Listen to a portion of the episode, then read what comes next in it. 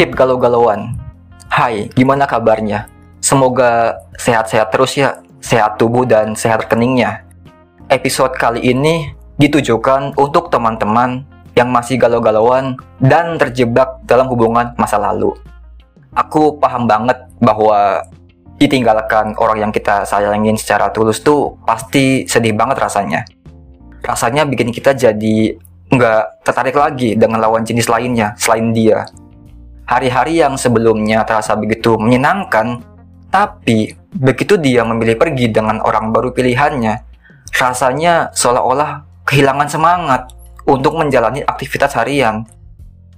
Kamu jadi galau-galauan, ditambah sering dengerin musik galau yang semakin membuat diri kamu semakin galau. Pekerjaan yang harusnya bisa kamu selesaikan lebih awal, semuanya jadi terkendala mood kamu jadi berantakan hanya karena kepergian dia. Kepergian orang yang kamu benar-benar tulus padanya, tetapi malah milih pergi dengan orang baru yang baru saja dia kenal. Padahal, padahal teman-teman, orang tua kamu belum tenang di usia tuanya, dan kamu masih ngegalauin orang yang memilih pergi darimu. Kamu masih ngegalauin orang yang sudah bahagia sama pilihannya, yang mana pilihannya bukan kamu. Buat apa melakukan itu teman-teman? Apa keuntungan yang kamu dapatkan dari ngegalauin orang yang sudah bahagia, ngegalauin orang yang memilih pergi dari hidup kamu bersama orang baru pilihannya. Coba perhatikan.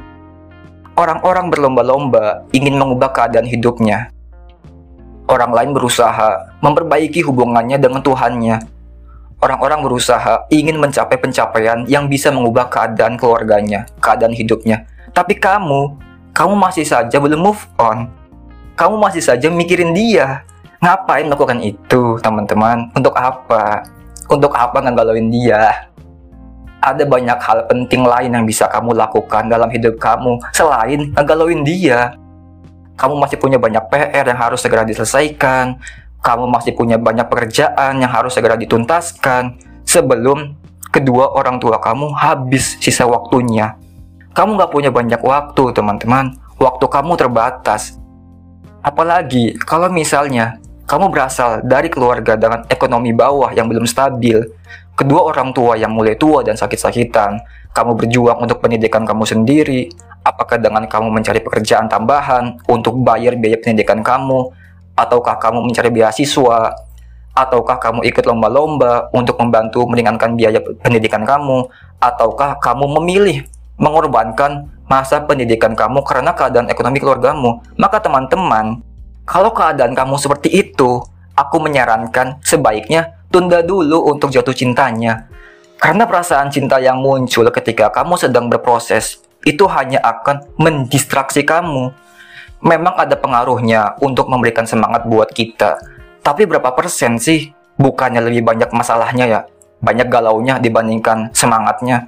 Memangnya kamu nggak bisa menyemangati diri kamu sendiri dalam proses mengejar impian kamu, sampai-sampai kamu butuh pacar atau seseorang yang menyemangati diri kamu. Ada keluarga yang menaruh harapannya pada pundak kamu, tapi kamu malas-malesan, tapi kamu galau-galauan, dan kamu sedih-sedihan mikirin dia yang milih pergi sama orang lain, mikirin dia yang selingkuh, kebanyakan mikirin dia yang menyakiti hati kamu, merusak hari-hari kamu, untuk apa teman-teman? Ngapain masih mikirin dia? Untuk apa ngegalauin orang yang sudah bahagia? Dia sudah bahagia, jadi nggak usah digalauin. Diri kamu sendiri yang belum bahagia, yang harusnya kamu galauin sendiri, bukan orang lain yang sudah bahagia, kamu galauin. Orang tua kamu sudah tua, dan mereka masih bekerja di usia tuanya.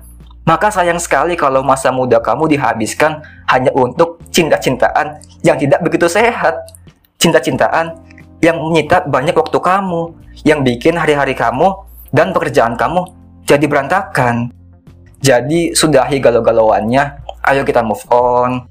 Move on yang tanpa melibatkan orang baru dalam hidup kita. Mari perbaiki semuanya, mari perbaiki diri kita, jaga hubungan kita dengan Tuhan kita, pencipta kita, dan hasilkan uang yang banyak bangun tubuh kamu, olahraga, pergi ke gym atau workout di rumah, nggak masalah. Lalu bangun aset untuk masa depan keluarga kamu nantinya. Pelajari agama Islam, pelajari skill baru yang mendatangkan banyak uang. Jadi udah deh, cukup galau-galauannya teman-teman.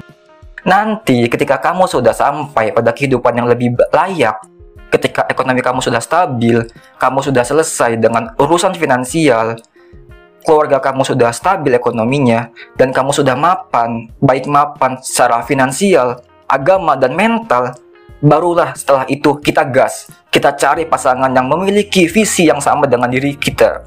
Visi yang sama dengan kita. Kita gas setelah semuanya beres. Jadi teman-teman, tidak perlu larut memikirkan jodoh yang namanya sudah jelas Tuhan tuliskan dalam lauhul mahfud. Namanya sudah jelas ada. Hanya perlu menunggu waktunya saja kapan datangnya.